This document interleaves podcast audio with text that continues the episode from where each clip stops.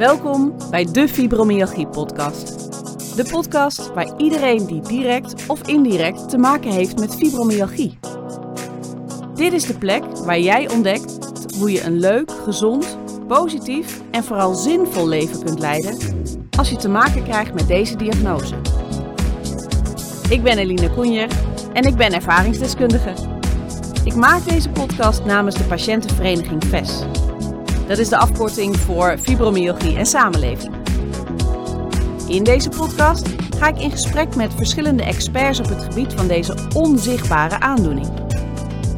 En ik neem je graag mee op mijn zoektocht naar tips, trucs en ideeën om jou te informeren, maar vooral ook om je te inspireren. Ik wens je dus heel veel luisterplezier.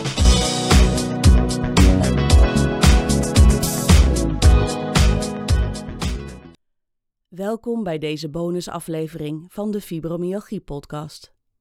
Het tweede cadeautje dat hoort bij aflevering 8, waarin ik sprak met Marijn van der Laar over het bevorderen van goede slaap. Deze visualisatieoefening vind je op pagina 90 van zijn boek Slapen als een oermens. En met zijn toestemming spreek ik deze oefening in voor de luisteraars van de Fibromyalgie podcast. Om je nachtrust te bevorderen is het belangrijk om je brein het idee te geven dat het in je omgeving veilig genoeg is om te kunnen slapen. Een methode die daarbij kan helpen is visualisatie. Door jezelf een voorstelling te maken van een veilige plek, krijgen je hersenen het signaal dat de omgeving niet gecheckt hoeft te worden en dat ze dus minder alert hoeven te zijn.